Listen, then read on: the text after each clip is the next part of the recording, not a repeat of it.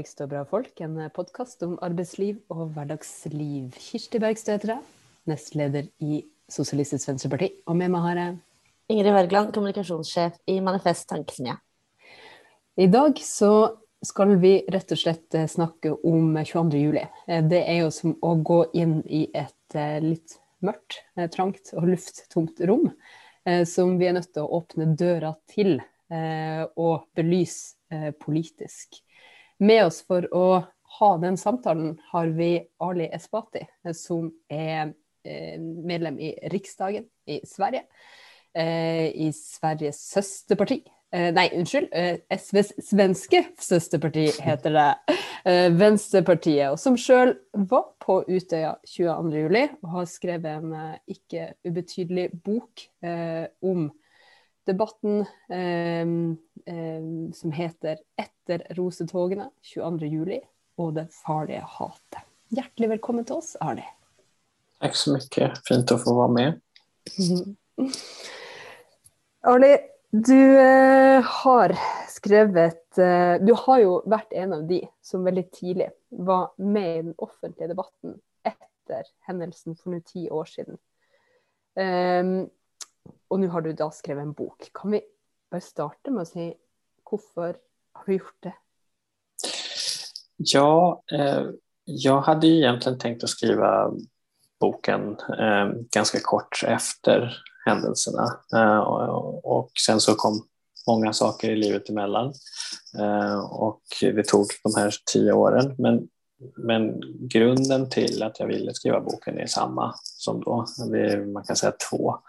Det ena är att jag tycker att det är viktigt eh, att eh, de som var med eh, kan berätta sin, eh, sin historia, sin berättelse. Det var ju många hundra som var där och eh, det, det är en viktig del av vår eh, samtidshistoria egentligen. Då, att, att bara att dokumentera, berätta, eh, ha kvar eh, i, i det gemensamma minnet så att säga. Det som, det som hände tycker jag har, har en poäng i sig. Men den andra eh, den andra grunden var ju någonting som jag kände eh, egentligen eh, direkt nästan då efter, eh, efter 22 juli eh, 2011 att eh, det började en slags dragkamp då om eh, hur man skulle förstå det som hade hänt.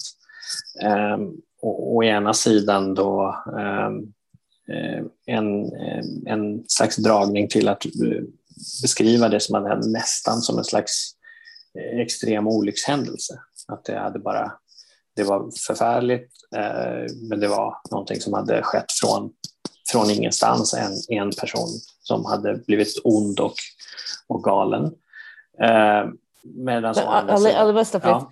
Jeg bare tror den mikrofonen gnisser på skjortekanten din. Mm, Så jeg tror ok. kanskje du må Ja, Okej, jag vet holder den i du prövar. holder, Ja, sånn hvis du holder den sånn, så er det bra. Ja, ok. unnskyld. Eh, ja, så eh, det andra skälet då, eh, att eh, det var en slags dragkamp om det som, det som hände som började nästan omedelbart. Då, att å ena sidan en typ av dragning åt att vilja beskriva det som hade hänt nästan som en, som en stor olyckshändelse. Då. Eh, extrem, förfärlig, eh, men resultatet av att eh, en person ehm, blev extremt galen och var extremt ond och gjorde det här.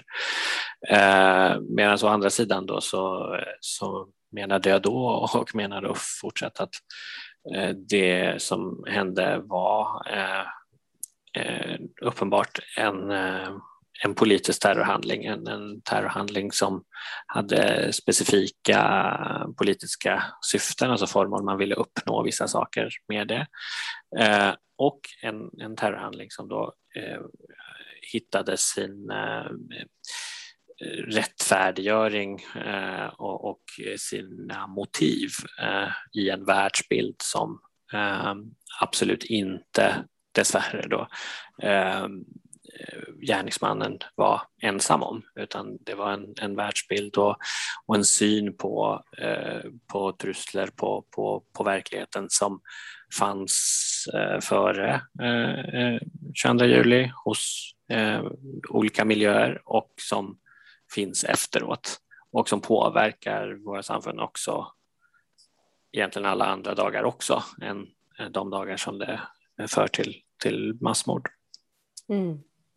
Det kommer kanske mest extremt uttryck i, i den um, processen som var runt, uh, runt tilregnelighetsförklaringen uh, av Breivik, sant? med att uh, runt rättssaken om man skulle han ja, erklære som gal, och därför bara vara liksom en, en gal fyr, eller?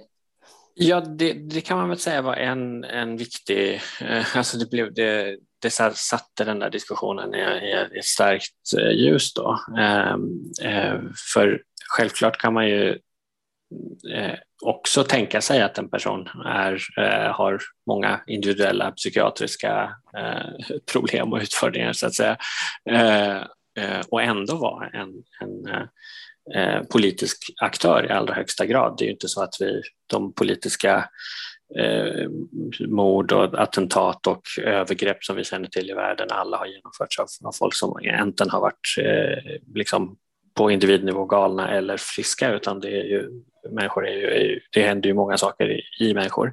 Men det går inte att förstå händelsen utan att ha eh, en, en, eh, eh, en politisk förståelse, en politisk förklaring i grunden. Och det som, som, som du var inne på, då, alltså det som blev väldigt tydligt var ju den första, första psykiatriska rapporten att eh, man kan ju vara enig och enig om vissa olika typer av, av liksom bedömningar runt, runt psykiatriska frågor, men, men själva eh, Eh, liksom den centrala punkten i varför man i den rapporten ansåg Breivik vara otillräcklig var att bland annat att han eh, använde sig av liksom, terminologi som man tyckte var, var liksom okänd och absurd. Och eh, man kan tycka att det är absurd men det var absolut inte någonting som var liksom, eh, påhitt i hans eget huvud utan det var ju tvärtom i väldigt hög utsträckning saker som han direkt hade tagit från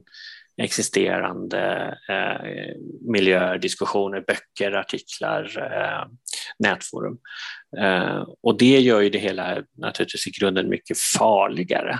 För det hade det varit så att det här var någonting som fanns hos en person eh, så hade vi varit färdiga så att säga när han blev satt i fängelse. Då, då, var vi liksom, då hade vi inte det problemet mer för oss som överlevde och var kvar.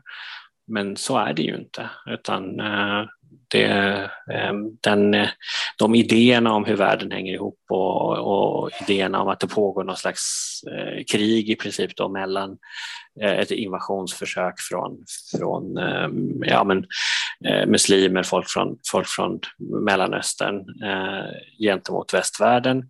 Och att den då ehm, skulle då underlättas eller möjliggöras av av femtekolonnare, förrädare i eh, de västerländska samhällena. Ja, men den politiskt korrekta eh, makteliten eller vad det nu kan vara för konstiga uttryck som man använder.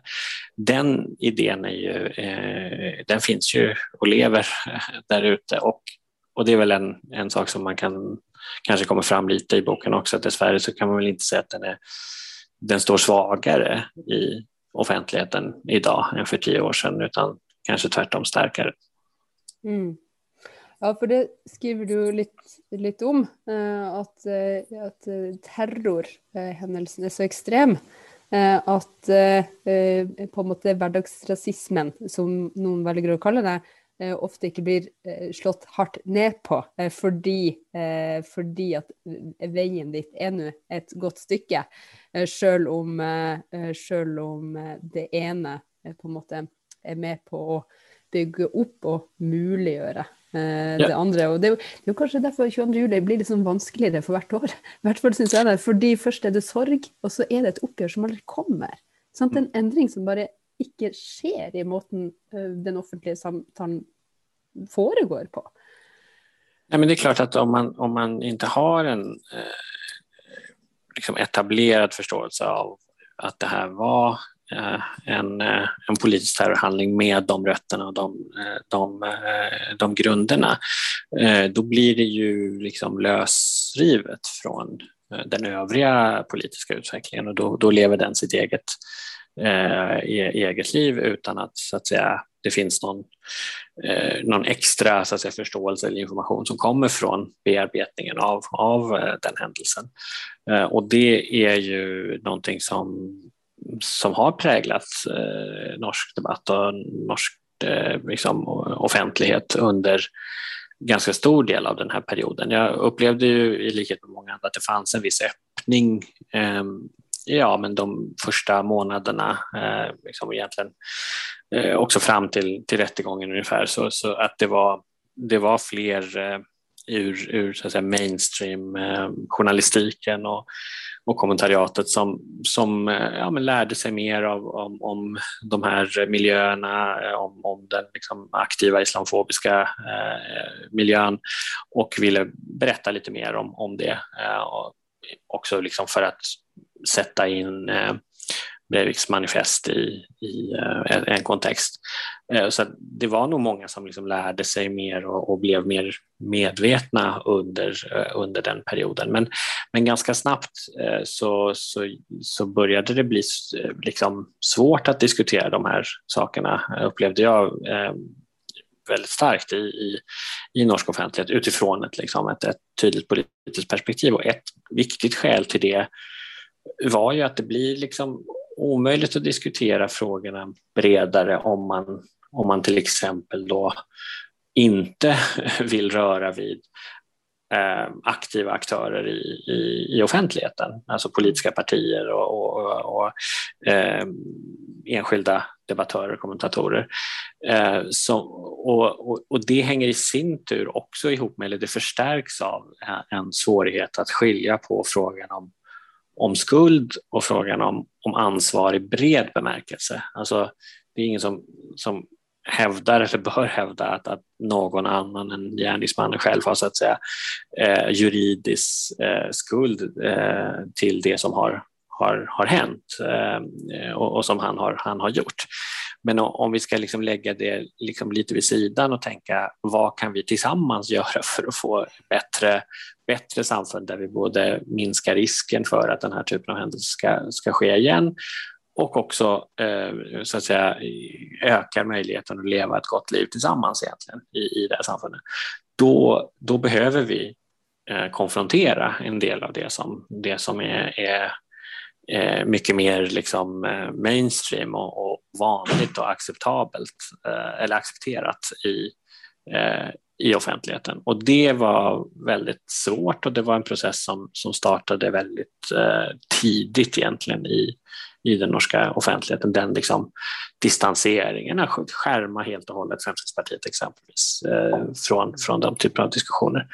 Eh, det bidrog nog till det. Sen ska jag säga också att jag, jag tycker att det har varit Eh, positivt att se att, att den allra senaste tiden så är det ju en, en viss öppning igen och det beror inte minst på att folk ur så att säga, den yttre generationen eh, har klivit fram en del och ställt, ställt krav, skrivit, eh, öppnat upp eh, och, och, det tror jag är liksom en viktig det är ett viktigt bidrag till, en, eh, till någonting som berör hela det norska samhället. Mm. Men för de som inte känner dig och din, din livshistorie, Alice, må jag kanske berätta att du, eh, som folk hör att du är svensk, men du, eh, när du har sån god analys av norsk offentlighet, du bodde ju, du bodde ju i, i Oslo eh, för tio år sedan. Ja, just det. Eh, du, vi var kollegor, du jobbade i, i Manifest Tankesmedja. Och det var också något utgångspunkt för att du blev inviterad till Utøya. Kan du berätta fortelle om, om det? Att du, ja, att du drog dit för att för att hålla föredrag. Fortell vad du skulle snacka om för exempel.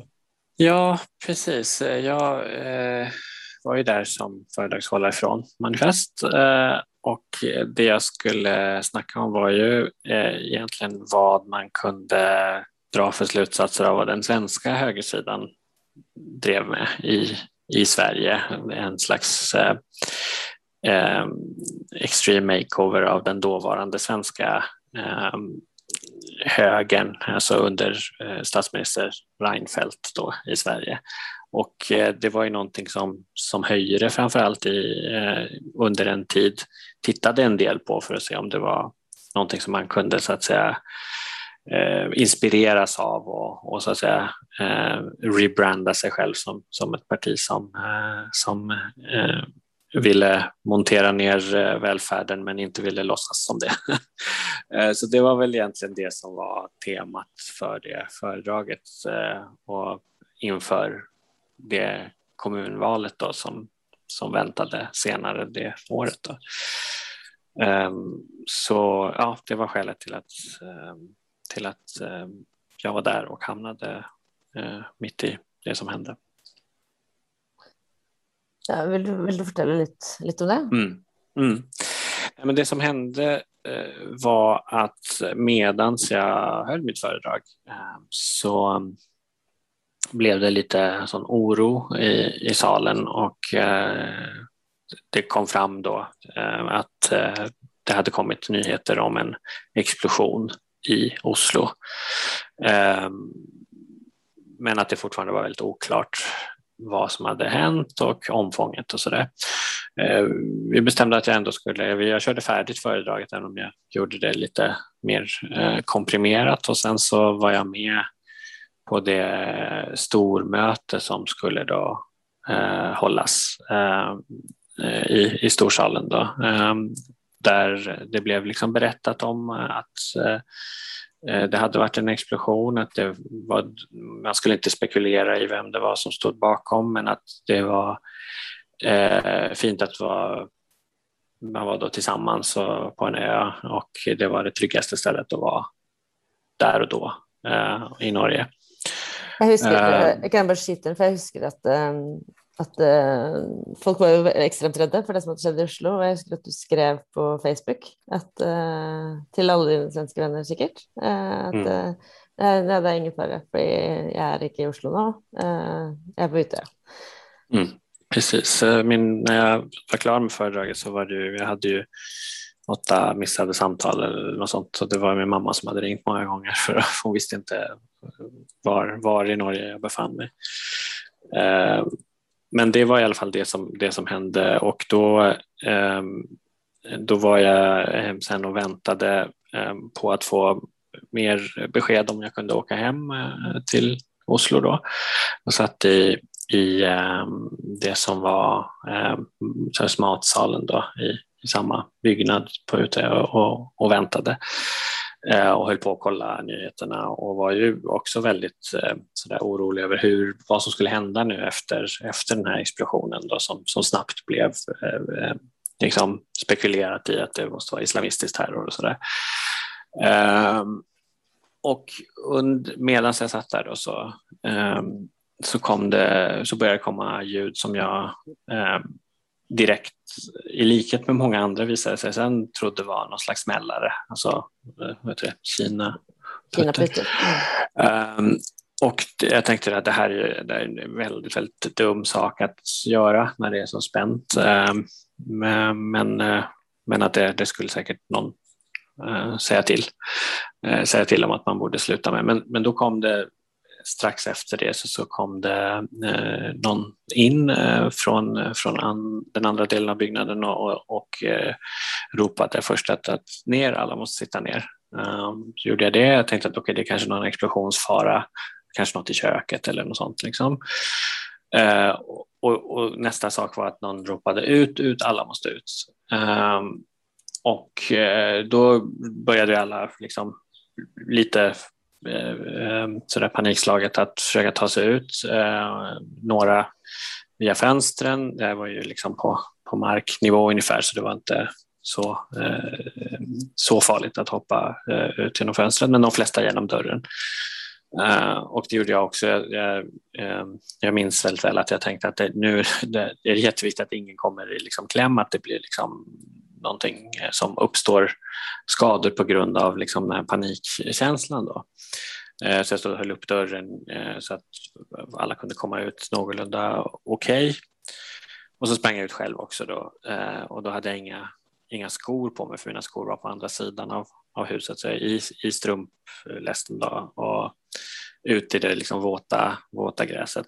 Och först då egentligen när jag höll på att springa liksom bak eh, många andra eh, och bort från byggnaden så så registrerade jag liksom någonting som det tog några sekunder att komma, vad var det jag hade sett? Såg jag en, hade jag sett en bit längre bort två personer som, som, eh, som verkade liksom ligga på marken?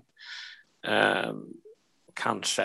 Eh, och det var liksom ganska typiskt för hela det, den processen att det var väldigt stegvis liksom insikten om vad det var som höll på att hända. Det var så väldigt, väldigt svårt att föreställa sig att det skulle vara någon som sköt eh, och dessutom sköt för att döda människor och gick efter folk. Det var ingenting som, som var möjligt att få in i huvudet. Eh, men när jag hade sprungit iväg då ner för en, en slags sluttning eh, så, så var jag i närheten av några andra eh, personer, bland annat eh, några väldigt unga barn som, som hade hängt med där.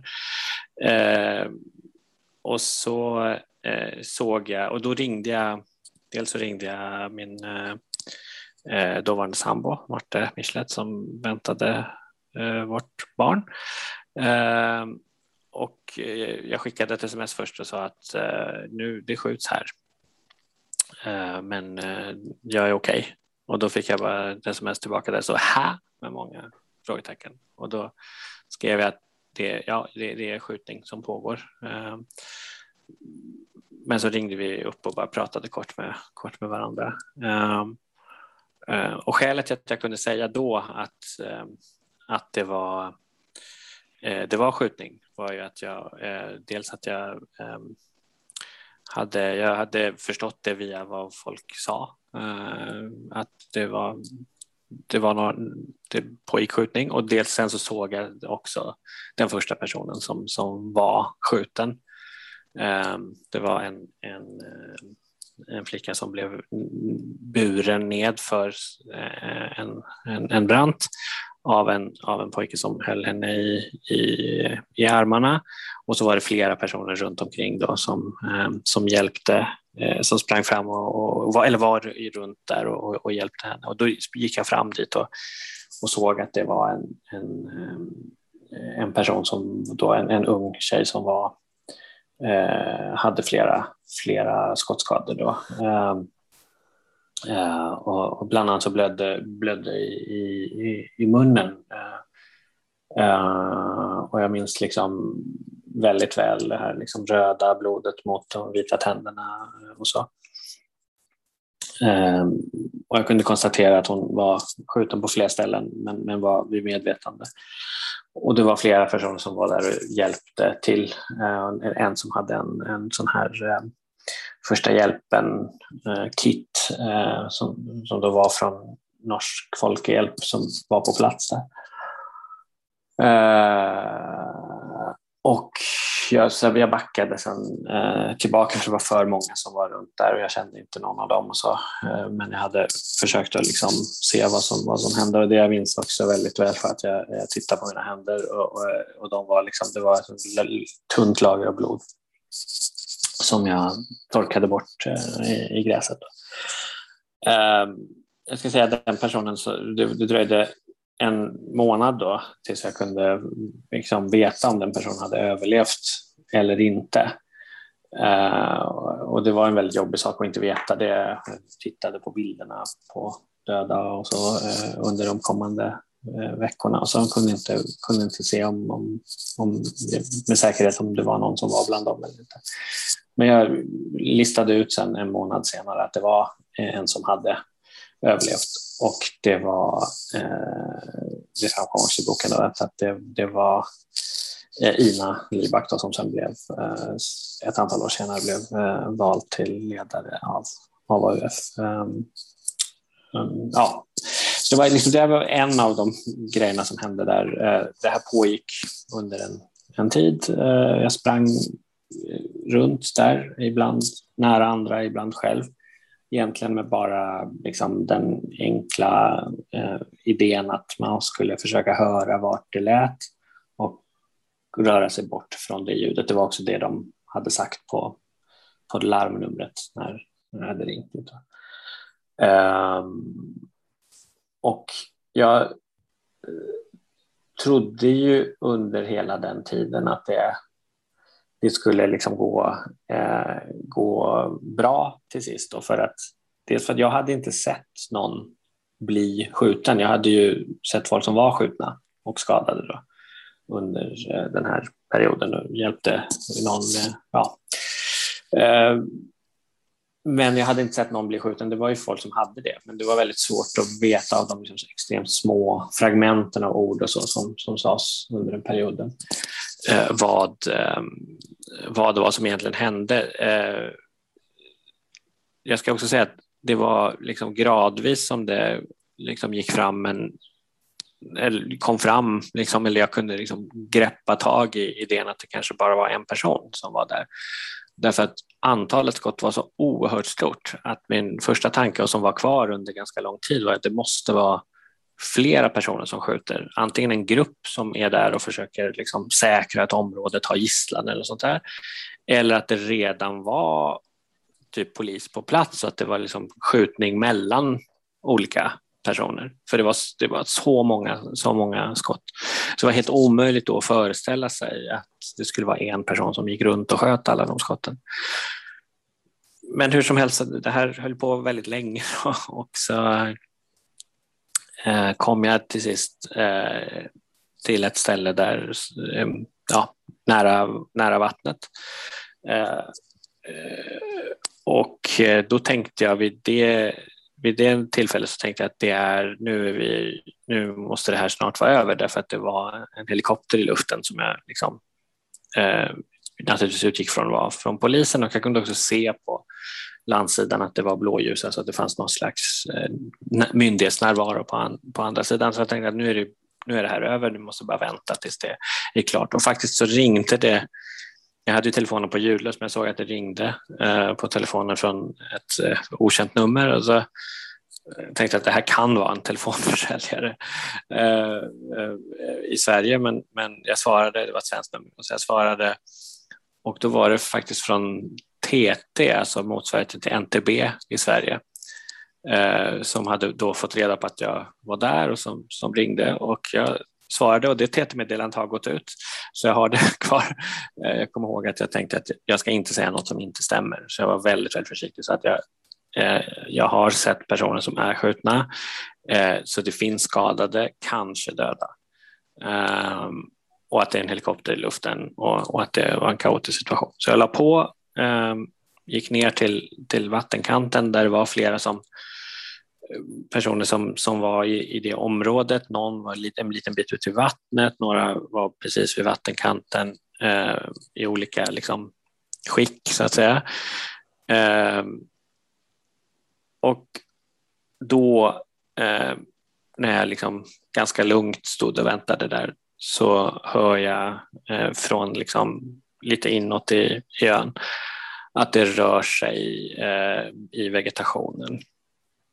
Um, och då vänder jag mig om och då är det eh, en, Eh, ehm, så tittar jag lite upp då mot eh, en man som är, är, stor och lång och har på sig en, en svart eh, uniform.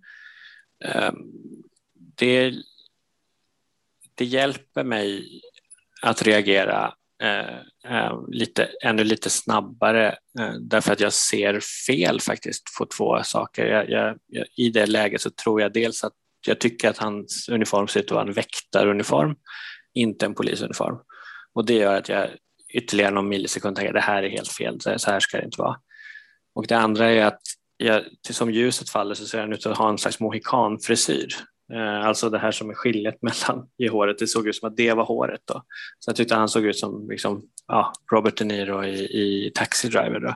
Och igen så, så tänkte jag, ah, okay, de sakerna bidrog till att jag liksom insåg någon, ännu några millisekunder snabbare i hjärnan, nu det här är fel. Så jag liksom helt instinktivt vänder mig om och springer ut i vattenkanten. Um, och då tänka, liksom allting bara byts. Jag tänker från att jag tänkte att nu är det bara att vänta lite så är allting över till att säga att nu är det kört, nu, nu dör jag. Uh, och ducka lite med huvudet instinktivt för jag tror att jag kommer bli skjuten i ryggen istället. Då.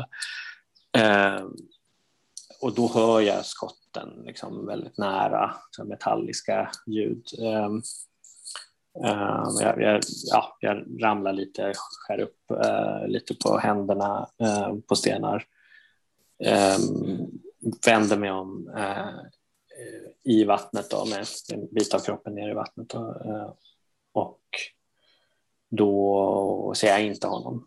Då är han inte där. Ehm, och ehm, jag ser på bägge sidor av mig i vattenkanten att det finns eh, andra personer som också eh, så att säga, har överlevt och, och är där. Eh, men jag ser inte, inte honom.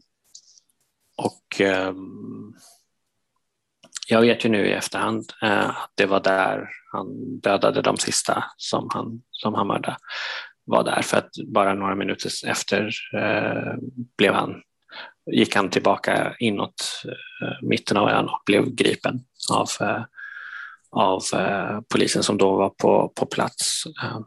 Men eh, jag, ja, jag låg kvar där med kroppen i vattnet och huvudet ovanför på en sån stenhäll eh, en stund. Eh, väldigt svårt att veta exakt hur länge då. Eh, och då, min telefon då, som jag hade haft i handen hela tiden hade ju då eh, dött i, i vattnet. Så då kunde jag inte fortsätta ha kontakt med med Marte då, som vi hade haft sms-kontakt under tiden. Så hon trodde ju från ungefär då och liksom två timmar framåt att jag kunde vara, vara död då. Uh, uh, men uh, ja, så kom då den riktiga polisen, vilket ju först var också lite ett kort ögonblick av, av liksom osäkerhet innan jag hörde att de liksom ropade kommandon till varandra och inte gjorde någon ansats att lyfta vapnet. Eller så, uh, ja, så, så blev vi evakuerade mot, eh, efter en stund då, eh, till, till landsidan och sen till, till Sundvolden. jag såg när vi blev hämtade av, av en, vi fick ju vänta lite för att man skulle prioritera de som hade, det var folk som togs inåt från, från inåt land och som hade fysiska skador. Uh, när vi blev hämtade då så såg jag, jag hade, medan jag hade legat i vattnet, hade jag liksom sett till, till vänster om mig en bit bort att det var en flytväst som, som guppade. Men när vi blev hämtade så såg jag att det var inte en flytväst utan det var en, en, en död person som, som låg i, precis i vattenkanten. Och liksom, det var precis det stället där, uh, där de sista uh, personerna blev, blev mördade. Ja. ja. Nei, det er, jo, det er jo helt, det er jo helt ufattelig. Og jeg husker også det der med at eh, det beskriver at den skytingen bare pågikk og pågikk og pågikk. For jeg husker jeg sendte deg en tekstmelding, for jeg visste at du mm. var på UiT, også fordi jeg hadde sett det på, på Facebook. Og da, da svarte du at det, det skytes her. Uh, uh, men, men da men, eller at det skytes fortsatt. fordi jeg hadde, jeg hadde sett mm. sånn nyhetsmelding på NRK hvor det sto sånn meld, melding om skyting på Utøya. Jeg, jeg, kunne ikke skjønne sånn Men nå, må det, nå kan det ikke være mer kuler i den pistolen. Hvis jeg tenkte, det kan det ikke, mm. Hvor mange skudd har man egentlig? Men det mm. var jo nettopp det han hadde. Da. Han hadde helt uendelig med, med ammunisjon. Mm. Ja, det var, det var väldigt eh, det var ju också en, någonting som bidrog till att det var svårt att egentligen greppa att eh, det bara var en person där, som, eh, eh både för att det pågick så länge och att det, på, det sköts så många, eh, så många eh, skott. Eh, men det är också någonting som, som ja, eh, liksom det kommer fram i, i boken också, men att eh, just den här eh, det var, så, det var ju så många personer på samma lilla ställe, men men alla har väldigt olika historier som mm. sammanfaller på många ställen. Då. Eh, det påverkar ju också vad, vad man trodde hade hänt eller vad man, liksom, eftersom man inte har översikt över vad alla andra gjorde. Det gjorde ju till exempel att jag eh, eh, när vi kom över på, på landsidan, trots att det var, liksom, alltså det var extremt många så chockade, ledsna, arga eh, förtvivlade personer där så, så var det ju jättesvårt att, att förstå hur många som egentligen var dödade för var, folk pratade om att de hade sett andra bli skjutna men det kunde ju lika gärna vara att samma person hade sett samma person bli skjuten. Så att säga. Eh, och det kändes som det mest troliga också då, om man inte själv hade sett det hända. Så att jag blev ju helt chockad när vi sen på, Eh, ja det var fyra tiden på morgonen, jag blev hämtad på Sundbollen ungefär vid två tiden på, eh, på morgonen då. Och det tog en, en lång tid att komma tillbaka till Oslo, vi var tvungna att åka runt. Eh, men när vi var nära, när vi, var, jag hade precis rullat in i Oslo då, så, så kom ju den här presskonferensen från, från polisen där, där man sa att, eh, att, det kunde, att det var, man beräknade ungefär 80 döda. Det blev ju korrigerat till 69 sen då, men, men man sa 80 döda och då tänkte vi alla tre som satt i, i, i bilen, jag, Marta och hennes mamma, som körde att de sa åtta, eh, för det var liksom det, det lät liksom rimligt i mina öron också. Ehm, att det var liksom, kunde vara fler än två än det som hade sagts från början, men, men inte så, så många. Alltså helt eh, ofattbart. Medan jag vet nu i efterhand att det fanns de som hade sett så, det, av det de hade sett hade dragit slutsatsen att det kunde vara så att alla var döda, utom de själva och de de såg. Alltså så det fanns liksom alla möjliga sådana ehm, eh, ja, men man försöker fylla i liksom luckorna i, i informationen som man har. Uh, och det var så eh, extrema uh, saker som hände så att det var liksom, man hade ingen så tidigare information att, att falla tillbaka på. Det. Når følte du själv Ali, at du fick hela bilden? För det är ju en fragmenterat... Mm. Nej, men det, det var ju en lång process. Det var ju egentligen eh, dröjde det ju flera månader och på sätt och vis ännu längre då. Jag tror det var väldigt viktigt för, för många av oss som, som överlevde att liksom vara tillbaka på, på ön eh, en månad efter vi fick liksom möjlighet till, till det. Och det var extremt viktigt. Där gick alla runt och tittade på var, var var du, var var jag? Var, ja, du såg det den, då måste du sett samma händelse från ett annat håll. Alltså den typen av, av pusselläggande.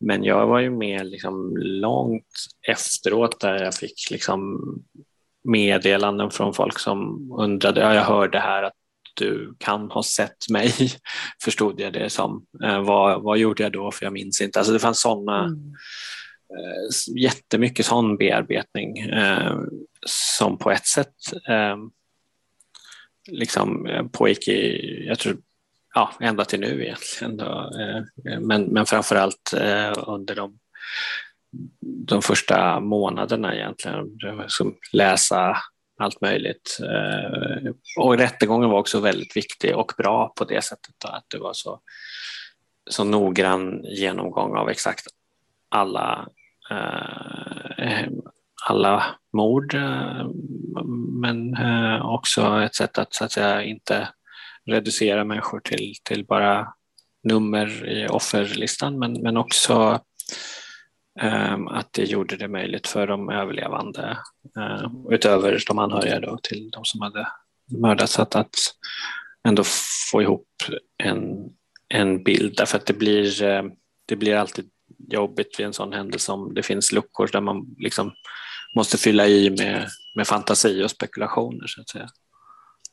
Mm. Det är ju, eh, det är ju en sorg som aldrig kan läges. Eh, för de som upplevde att sina barn aldrig kom igen. Mm. Eh, och också en generation av AUF-are som rätt och slett blev tappt. Mm. Och de, den, det, det mänskliga tapet är ju helt extremt. Det samfunnsmässiga såret. Um, mm har jo ikke fått grunnlag for å gro. Mens det eh, Måten det har eh, prega eh, både Arbeiderpartiet og AUF på, har jo på mange måter også eh, gjort at eh, vi som samfunn egentlig ikke har fått tatt debatten på skikkelig vis. For den har på en måte blitt overlatt til dem. Mm. Eh, og det er jo noe dypt urimelig i det. Ja, nej men det, det där är ju också en, en, liksom en, en uh, det blev lite av ett moment 22, uh, tror jag många också i AUF uh, upplevde. Så att man, å ena sidan så är det ju begripligt att man andra inte vill gå över en gräns när det finns ett sånt eh, tydligt eh, liksom, faktiskt rammet offer, så att säga. Att det, det, det ska ske först, medan de som själv var mitt i det uh, upplevde på, också på goda grunder att man kunde inte gå uh, först. Alltså, AUF Arbeiderpartiet var ju väldigt viktiga organisationer för sorgearbetet och för det väldigt konkreta första arbetet som det också har framkommit senare eh, hade en hel del brister eh, i eh, att nå eh, just de som hade drabbats då, den första tiden. Eh, och det fick liksom Arbeiderpartiet och AF själva eh, göra väldigt, väldigt mycket för. Eh, och då är det klart att det inte då är, är liksom möjlighet eller läge för att, för att ha en stor, eh, stor politisk konfliktprocess. Jag citerar ju en del och refererar en del i boken också till det som ehm, Halvard Notakis skriver i, i, sin bok om Arbeiderpartiet och 22 juli som är väldigt intressant på det sättet att den, den beskriver både den processen, alltså vad, vad gjorde man då? Eh, och även då den, en slags liksom spänningsförhållande i rörelsen då, så att säga, i, i, om hur man skulle hantera det här. Där man å ena sidan hade statsministerns kontor eh, som, som egentligen drog åt det hållet att man inte skulle man skulle dra sig ganska mycket för att eh, inte göra detta till en, någonting som kunde bli inrikespolitiskt konfliktladdat. Eh, så att det var ett angrepp på Norge och på demokratin. Eh, Medan du hade liksom partikontoret och, och, och så som hade andra eh, intressen att, att liksom se till också då, som, som ändå försökte eh, med att eh, lyfta eh, liksom det politiska ansvarsperspektivet. Då. Ehm, och man får väl säga att den första linjen blev i stor grad liksom definierande för, för den reaktionen som kom ehm, de första åren eller egentligen fram till ganska nyligen. Um, och eh, det finns många skäl till att eh, det var rimligt att göra, ha en sån första reaktion, men det fanns också, tror jag, i alla fall med så här facit i hand, så att säga, skäl till att fundera över om man, vad man, när man kunde ha så att säga, tagit andra, andra steg oavsett, så kanske gör det nu då. Mm. För det är ju nog med att gå från sorg till sinne och från apati till handling. Mm. Mm. Du skriver jo i, i boken din mye om, om uh, denne ja, den høyreekstreme ideologien som ligger til grunn, og hele denne Arabia-konspirasjonsteorien osv. Og, uh, og den grunnleggende rasismen som ligger, ligger, ligger bak her. Uh, og så selv om, selv om 22. juli selvfølgelig er en helt, helt ekstrem uh, hendelse, så trekker du også linjer til til, eh, til annen høyreekstrem terror eh, som, som, har skjedd i Sverige. Mm. Eh, for der er det jo også andre, andre folk som, ja, som, som, ikke vi, som, ikke er så uh, høyt oppe i, i, norsk bevissthet, kanskje, men, men som f.eks. da Lasemannen, som, som, mm. som, uh, som, du skriver litt om. Kan ikke du fortelle litt om, om, om han? Om hva Ja, alltså det var, blev liksom ganska, det kom lite av sig själv att eh, bearbetningen av, av 22 juli liksom väckte eh, minnena från det svenska tidiga 90-talet när jag hade varit i Sverige några år. Eh, då var det en, ehm, eh, en person som, eh, som gick runt och, och, och sköt folk som det blev uppenbart att det berodde på att de hade mörkt hår eller mörk hud. Och han kom att kallas för Lasermannen därför att de flesta hade då hunnit notera att det var en, en röd prick från ett lasersikte då innan, innan skottet kom. Eh, det, det, han, eh, det var en person som, eh, som, som som dog, mördades, men flera som blev svårt skadade. Då. Men framförallt så satte det också utöver detta väldigt skräck i, i framförallt den delen av den svenska befolkningen som, ja, som såg ut som jag. Eh, och, och, jag var ju, jag var ju, eh, eh, jag var ju barn då, tonåring då. Eh, men eh, eh minns ju det väldigt väl hur, hur, hur eh, det var oroliga föräldrar och, och man själv var tittade liksom i mörkret. Ja, det, detta pågick över väldigt lång tid. Ja det, pågick, ja, det kändes som väldigt, väldigt lång tid, men det pågick i alla fall över många månader. Ja, ja, ja. Så var det. Eh, för det, det, kom liksom med, eh, med olika ojämna mellanrum. Då. Eh, och det som, det som är liksom intressant också är att det var, den här perioden var en period som präglades av eh, av ett liksom, uppsving av eh, främlingsfientlighet eh, och liksom, hetsig debatt, diskussion om, om, om invandring och invandrare i, i Sverige. Och det var också något som då ledde till att Sverige eh, för första gången fick ett högerpopulistiskt parti som kom in i, i riksdagen hösten 1991 och det här liksom pågick runt den perioden.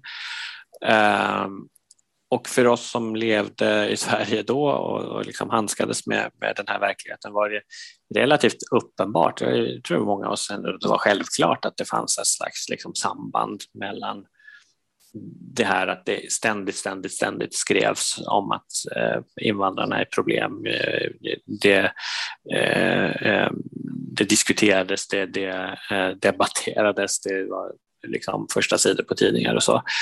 Och man ser en, en förändring i, i, i folkliga attityder också då. Eh, eh, och att någon då skulle gå över, över gränsen och, och, och, och gjorde det. Och det är ju intressant också att vi har ju på sätt och vis facit också då att, att eh, när eh, när lasermannen då, John Ausonius som han hette, greps senare då och, och eh, pratade eh, om det som han hade gjort och det som hade hänt så refererar han ju till någonting som är återkommande i en hel del sån högerextrem terror, nämligen att han, han uppfattade det som att det var någonting som många stod för. Många pratade om att något behövde göras, men det var ingen som gjorde det. Så han kände att han, han kunde göra det, han kunde göra något. Och det är ju någonting som en liknande sak hände senare eh, i i Sverige med eh, en, en man som rörde sig i södra Sverige, Malmö framförallt, då, i staden Malmö, eh, som eh, sköt eh, och eh, dödade flera personer och skadade ännu fler. Eh, Peter Mangs hette han då, som också då satte skräck i, i, i befolkningen då. Också han blev efter en lång tid då, gripen och hade samma typ av, av resonemang, en väldigt medveten eh, idé om vad det var han gjorde eh, och en idé om att han skulle handla där andra bara pratade. Eh, och för övrigt så, så det, eh, var ju det han och, och Breivik så att kände till varandras handlingar så att säga och har i, i fängelse så att säga, kommenterat eh, eh, varandras eh, ageranden. Det är ju som två olika sätt att bedriva högerextrem terror som bägge har, har föregångare och efterföljare. Det, det ena sättet att göra någonting väldigt eh, extremt synligt, så som Breivik gjorde då, eh, för att liksom väcka, försöka väcka inom citattecken då, eh, många eh, och få fler följare. Eller det här som, eh, som Mangs gjorde då, som Lasman också långt tidigare hade gjort. Då, eh, att eh, vara en slags liksom, ensam krigare som försökte hålla sig under radarn men, men göra hela tiden saker som, som satte skräck i befolkningen eh, eh och eh, ja, eh, förde fram de, de liksom politiska idéerna om, om att rena landet så att säga. Ja, så har vi ju efter Breivik har det varit eh, ja, i Christchurch ja, i New Zealand och, och Manshaus i, i Bärum. Eh, som och flera händelser i USA. Och inte minst många händelser i USA och nyligen detta mm, påkörningen av en, ja. familie i Canada. Altså det, så det er jo, man skal ikke, skal ikke si at dette er en full liste, men dette er jo ja, alltså, Exakt, och det som- ideologi fører til vold, det er på en måte bare Ja. Precis, och det som, är, det som är liksom jag tror man får, man får se är ju hur oerhört svårt vi i, västerländska samhällen har haft för att handskas med hög, just högerextrem terror som terror. Att det finns en sån oerhört stark om man, liksom dragningskraft i, i, i eh, beskrivningen av, av detta som enskilda galningar. Att det så, går så fort och är så kraftfullt att eh, beskriva just den typen av terror som, som utslag av, av liksom enstaka psykiatriska eh, eh, eh så att säga, eh, villkor eller, eller förhållanden eh, och eh, gå vidare utifrån det. Då. Och det ligger ju i sig någonting ganska Eh, på ett sätt våldsamt för den som så att säga riskerar att vara i hög grad offer för den typen av den typen av brott och som blir den som blir uppskrämd av, det, eh, av den trussen. Att liksom aldrig få sin sak beskriven som eh, eh, att vara utsatt för terrorrisk, utan det liksom räknas inte, eller det försvinner från det, från det allmänna offentliga eh, medvetandet. Då. Eh, och det är ju någonting som verkligen gäller både, har gällt både Norge, Sverige och många andra länder. Mm. Man har inte evna att peka ut extrema høyre sitt eh, i de officiella eh, över over trusler mot ett samfund för för väldigt länge efter att eh, folk har levt under den frykten och känt på den. den Exakt. Eh, och, och en sak som liksom det där har sin grund i är ju att det generellt sett är mycket svårare att handskas med sånt som kommer eh, inifrån. Alltså det är, så, det är mycket lättare att säga att det här andra, det kommer liksom utifrån. Det är någon annan som kommer Eh, och, och gör de här hemska sakerna, om det är islamistiskt här till exempel. Då. Eh, Medan det som, liksom växer i, i det egna samfundet så att säga, är mycket svårare att, och förstå så som en, en liksom strukturell eh, politisk eh, händelse egentligen. Eh, utan mycket lättare att säga, ja, men den, han, nu, han, den här personen bara blev konstig och han, nu, är han, nu är han ute. Men en ting som har skjedd uh, i løpet av disse ti årene som har gått uh, i, i Sverige, da, i hvert fall, er jo at, uh, at Sverigedemokraterna, som jo har vært et veldig måte non-touchable parti, da, med sitt utspring i ja, både nynazisme og også en ekte gammel SS-offiser av en grunnlegger i sin tid, har blitt mer og mer stuerent. At det har blitt Mm. mer og mer tatt inn i den på en måte, ja, politiske varmen. Da.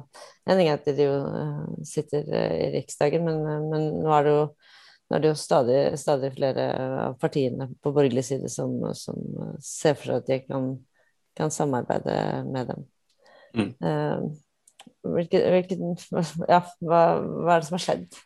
Ja, nej, men det är en jätteviktig eh, utveckling som jag ja, skriver en del om i, i boken också. Där. Så att, Eh, det vi kan se egentligen runt om i hela västvärlden är att det finns en slags liksom, politisk eh, landskapsförändring egentligen eh, som, som handlar väldigt mycket om att eh, någon typ av alltså, så högerpopulism eller högerradikalism eh, får eh, liksom strukturera om eh, först gärna då den liksom klass, traditionella borgerliga eh, sidan, alltså att det, det vill säga de som är, är konservativa och liberala eh, partier, krafter, rörelser eh, i, i olika länder behöver liksom förhålla sig till att det, eh, att det blir, eh, man kan nå framgångar eh, med att, eh, så att säga, gå den vägen, att, att liera sig med eller ta över politik från eh, Ehm, ehm, så att säga, högerpopulistiska eller högerradikala strömningar. Sen skiljer sig ju den exakta utformningen naturligtvis från land till land beroende på liksom, politiska traditioner, eh, historia och så vidare. Och, och det, det, är alltid värt att liksom, titta på de, de skillnaderna, men det blir jättekonstigt om man inte tittar på likheterna också samtidigt. Då. Och eh, det har ju varit Eh, många diskussioner om liksom, ja, men Sverige och Norge, eh, kan man, kan man jämföra Fremskrittspartiet med, med Sverigedemokraterna till exempel? Det är ju jättetydliga skillnader som finns. Då. Alltså, du nämnde ju liksom rötterna för partiet är helt olika. Eh, eh, när man liksom bildades och på vilket sätt och vilka det är som har så att säga eh, först varit liksom drivande och med i, i partierna då, vad man har haft för, för liksom retorik historiskt. Eh, och det är viktigt för det, det förklarar en mängd, mängd skillnader också i hur andra partier så att säga, eh, förhåller sig till, till, till de här. Eh, men det är minst lika intressant med att se på likheterna. Trots de här skillnaderna så kommer man att, så att säga, ehm, använda ganska lika problembeskrivningar i, liksom, i samtiden och ockupera ungefär samma terräng i det politiska landskapet och ge, gör, få ungefär samma effekter på de andra partierna på högerkanten eh, och på det hela det politiska liksom, debatten och diskussionen. Där, är ju liksom, där finns det väldigt stora likheter snarare, trots att man kommer från så olika håll. Eh, eh, och det tror jag är liksom viktigt, och, viktigt att, eh, att se eh, för att liksom förstå Eh, hela egentligen scenskiftet i, i, och många av konflikterna i, vår, i, i politiken i vår del av, av eh, världen. Eh, liksom vi ser från Sverigedemokraterna till liksom Front National i Frankrike till, som nu har, har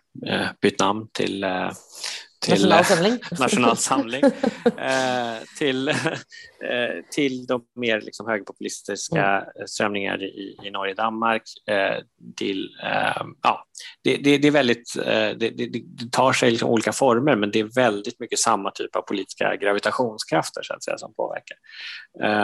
Och det, det gör ju något med, med hur vi lever våra liv i, i de här samhällena. Vad, vad det är för liksom, problemställningar som dominerar.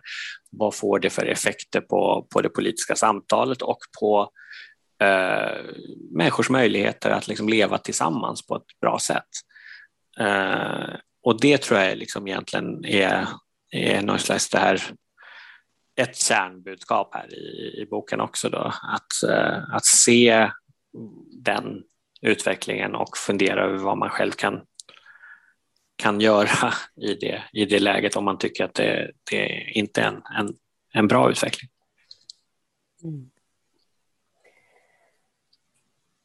Och det trängs ju, att peka mm. och uh, se vad är det vi som, uh, som venstreside, som samfunn, uh, som organiserade människor kan göra. Mm.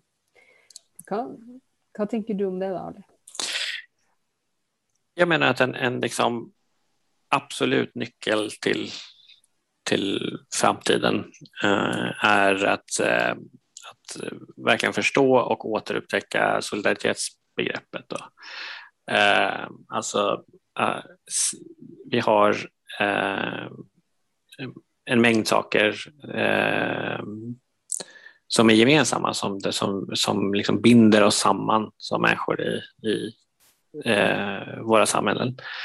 Eh, och det där är liksom mycket mer än bara en, en, liksom en, ett begrepp eller ord, utan det där är någonting som har påverkat, eh, som har varit väldigt viktigt för byggandet exempelvis av våra välfärdssystem som bygger på eh, en, en slags institutionalisering eller materialisering av solidaritetstanken. Alltså om vi har cykeln, liksom att, att vi, vi är med och betalar gemensamt för eh, det systemet. För vi tänker att om jag är frisk nu så kanske jag kan bli sjuk sen. Eh, vi har arbetslöshetsförsäkringar som bygger på att eh, både den här tanken att jag kan bli arbetslös sen men också insikten om att om, om någon som blir arbetslös inte har det helt förjävligt så är det också bra för, för mig och mina möjligheter att ha ett bra, bra villkor på mitt jobb på sikt. Vi betalar Eh, varandras eh, eh, eh, liksom kostnader för att delar av kostnaderna för att ha, ha barn, även, även, eh, liksom även om vi inte alla har, har barn. För vi vet att det finns något annat där som vi kan, kommer ha gemensamt. Vi blir alla gamla till exempel. Eh, så den typen av, av eh, saker som binder oss samman är så extremt viktiga för möjligheten att kunna leva ett, ett gott liv.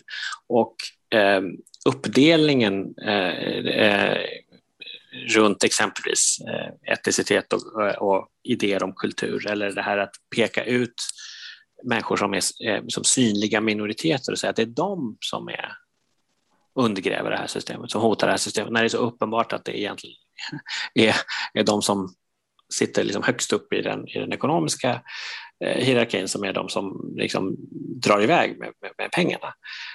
Den, den så att säga, Eh, motsättningen, den, den, eh, och, och, eh, och den, eh, den solidariteten som, som liksom andra sidan av det, Eh, det är, det är liksom helt avgörande för att kunna, kunna fortsätta ha eh, liksom fungerande välfärdssystem som gör oss, gör oss bättre tillsammans.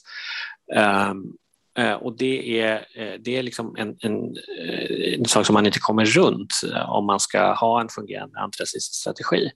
I det, som en, en viktig aspekt av det, är också att se hur alltså högerradikala, högerpopulistiska krafter, oavsett i vilket parti de uppträder, eh, hur de har kunnat liksom flytta fram positionerna. Det hänger nästan alltid ihop med att man har så här, trängt ut andra viktiga samhällsdebatter. Den här liksom, mantrat om att vi måste våga ta debatten om, och så är det, handlar det om, att, eh, om muslimerna, om invandringen och, och att det är liksom återkommande. Då. Eh, det är någonting som, som den, de krafterna överallt eh, eh tjänar eh, på.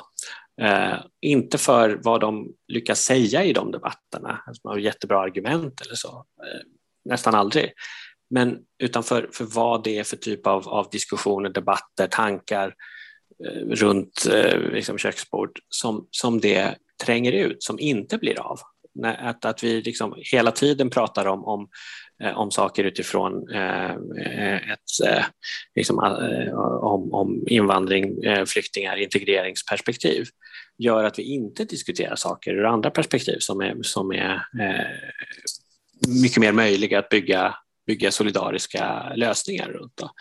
Eh, och, och, det är ju eh, det är någonting som man kan liksom se och följa i land efter land i, eh, i västvärlden. Det är ju extremt tydligt också i både Norge och, Norge och Sverige att, att den liksom besattheten av, av kulturkrig så att säga är eh, den absolut viktigaste verktyget för, Eh, för en ny typ av höger som inte är så ny utan som egentligen är väldigt gammal idémässigt. Då, eh, att, eh, att kunna stärka sina, sina positioner och motsatt då att ska man ha en, en strategi för att komma ur det så gäller det att hela tiden försöka så att säga, föra tillbaka det mellanmänskliga samtalet, det offentliga samtalet eh, till frågor som rör hur vi lever våra liv tillsammans på, på bästa sätt och eh, vem det är som eh, vem det som faktiskt bestämmer, vem det är som faktiskt tjänar eh, på att saker och ting ser ut på ett, eh, på ett visst sätt. Mm. Du har jo tittelen til din bok 'Det farlige hatet'. Mm. Ikke sant? Et rosetoget, 22. Eh, juli, og det farlige hatet. Det kan jo bare bestå så lenge vi umenneskeliggjør hverandre og lar det, lar det skje. Mm. Men der har jo også høyresida en utfordring, fordi det kan ikke bare være et venstresideprosjekt. Eh, og det er klart at økonomisk sett så har jo høyre- og venstresida politisk ulike retninger. Men det kan ikke være et venstresideprosjekt alene å stå opp mot eh, eh, den ekstreme rasismen som får lov til å vokse eh, på, eh, på eh, ytre høyre, og som også eh, rører seg i partier som mer moderate høyrekrefter er mm. avhengig av for å få regjeringsmakt. Og det er jo en utfordring vi har i, flere land etter hvert, eh, og som er med på å gjøre at eh, hele den offentlige debatten, samtalen, det politiske rommet, eh, forflyttes i en veldig dramatisk retning fordi at de extremhøyre får slippe inn. Nej men precis och det är ju, det är ju konvulsioner som har ägt rum också inom den liksom breda borgerligheten i, i alla de länder där så att säga, högerpopulismen liksom dyker upp som, som, som kraft. Eh, och och det, det leder ju till en del olika utfall. Alltså det, finns, det kan ibland handla om att vissa partier väljer att liksom stänga dörren eller öppna dörren för, för liksom mer organiserat samarbete. Men ibland kan det också handla om alltså, att partier internt så att säga spricker eller, eller det blir liksom motsättningar där.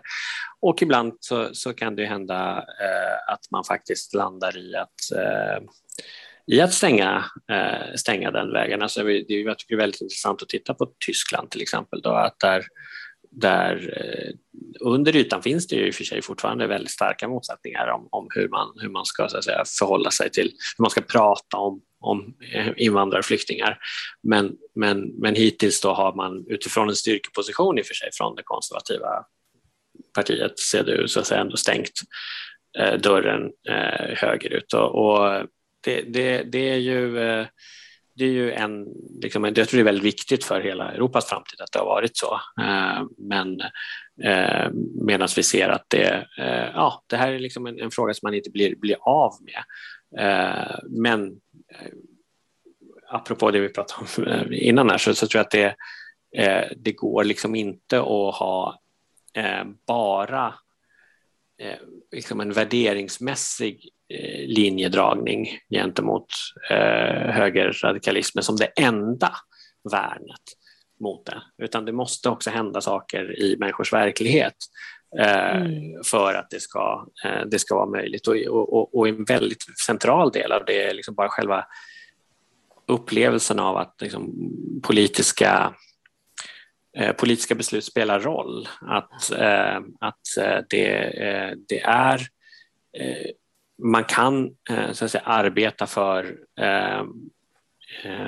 en ljusare framtid genom att, att eh, göra det tillsammans eh, i, i, ett, i, en politisk kontext. För det, det är väldigt, också väldigt tydligt att eh, där högerpopulister och högerradikaler går, går framåt så är det ofta förknippat till att man eh, med att man, många människor liksom uppfattar det som att det, det, det politiska systemet är antingen irrelevant eller att eh, eh det i vissa frågor inte spelar så stor roll vad man röstar på, för man får ungefär samma ekonomiska politik till exempel mm. i alla fall. Då blir det andra frågor som blir viktiga, som blir utslagsgivande för vad man röstar på eller vad man, vad man tänker på och vad man diskuterar. Så det, ja. Mm. Men för det... Mm. Jag bara kom på en väldigt så bra citat från uh, Chantal Mouffe, hon är väl kanske fransk, mm. jag ska ja. Hon sa i alla fall, when, when there is no difference between right and left. Uh, you start discussing what's the difference between right and wrong. Mm. Eller noe sånt. Ja. så det er nettopp det. Altså, politikk må jo bety noe. Det må jo være en tydelig forskjell på høyre- og venstresiden. Og man må, det må prege folks liv da, til det bedre at man driver med politikk. Mm. Mm. Og så må man jo klare å eh, skape brede allianser for å sette noen grenser eh, for hva som er mm en, eh, en demokratisk eh, og, og, og, god eh, måte å utøve politisk arbeid på. Til høsten er det jo valg i Norge. Vi vet at alliansen stiller til, til valg, Alternativ for Norge, der det er nazister på, mm. på listene. Da er det jo viktig å stå sammen og si at der de inviteres og deltar, kommer ikke vi. Fordi det må gå noen, det må gå noen grenser. Eh, eh, fordi slipper man inn eh, det aller mest ekstreme, ja, så får man jo heller ikke tatt diskusjon som kan, kan tas på premisser folk kan delta på. For man kan ikke være et panel der noen mener at noen ikke skulle eksistere om man var, om man er, er mørk eller ikke er, er den ariske rase som de forfekter. Arli, eh, jeg er så uendelig glad for at du har eh, skrevet den boka som du har. Jeg er så eh, takknemlig for alle som har stått eh, i det utenkelige, det grusomme eh, politiske angrepet eh, som fant sted 22.07.2011, og som evner å formidle det, sånn at vi som samfunn ikke individualiserer ansvaret, men kan gjøre noe kollektivt. Det er nødvendig for å kunne ta eh, klokere skritt eh, fremover enn de vi har bak oss. Men alle tar sine første steg noen gang. og vi har et fast spørsmål i denne eh, podkasten. og det er hva var din, din første jobb? Første jobb. Ja. alltså, eh, mitt första jobb var faktiskt så att jag skulle när jag var klar med gymnasiet så skulle jag börja på Handelshögskolan i Stockholm. Jag tänkte att jag skulle börja direkt.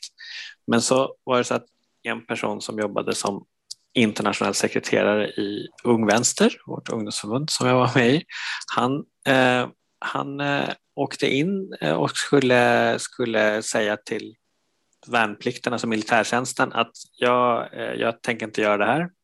Men då var det fortfarande plikt i Sverige så de sa jo, det ska du visst. Eh, så att han, eh, han fick göra, plötsligt göra militärtjänst och då var det så att jag hoppade in och eh, tog eh, ett vikarietjänst istället för att börja på högskolan. Så min första jobb var faktiskt som, direkt efter gymnasiet som internationell sekreterare för, för Ung Vänster. Eh, sen kom han tillbaka från, från militärtjänsten eh, och jag var jag gick arbetslös en liten stund innan jag faktiskt började på Handelshögskolan. Och resten är historia. um, eh, historien den um, skapes eh, och skrives um, både av deg som hører på, eh, och inte minst Ali, som var med. Mm.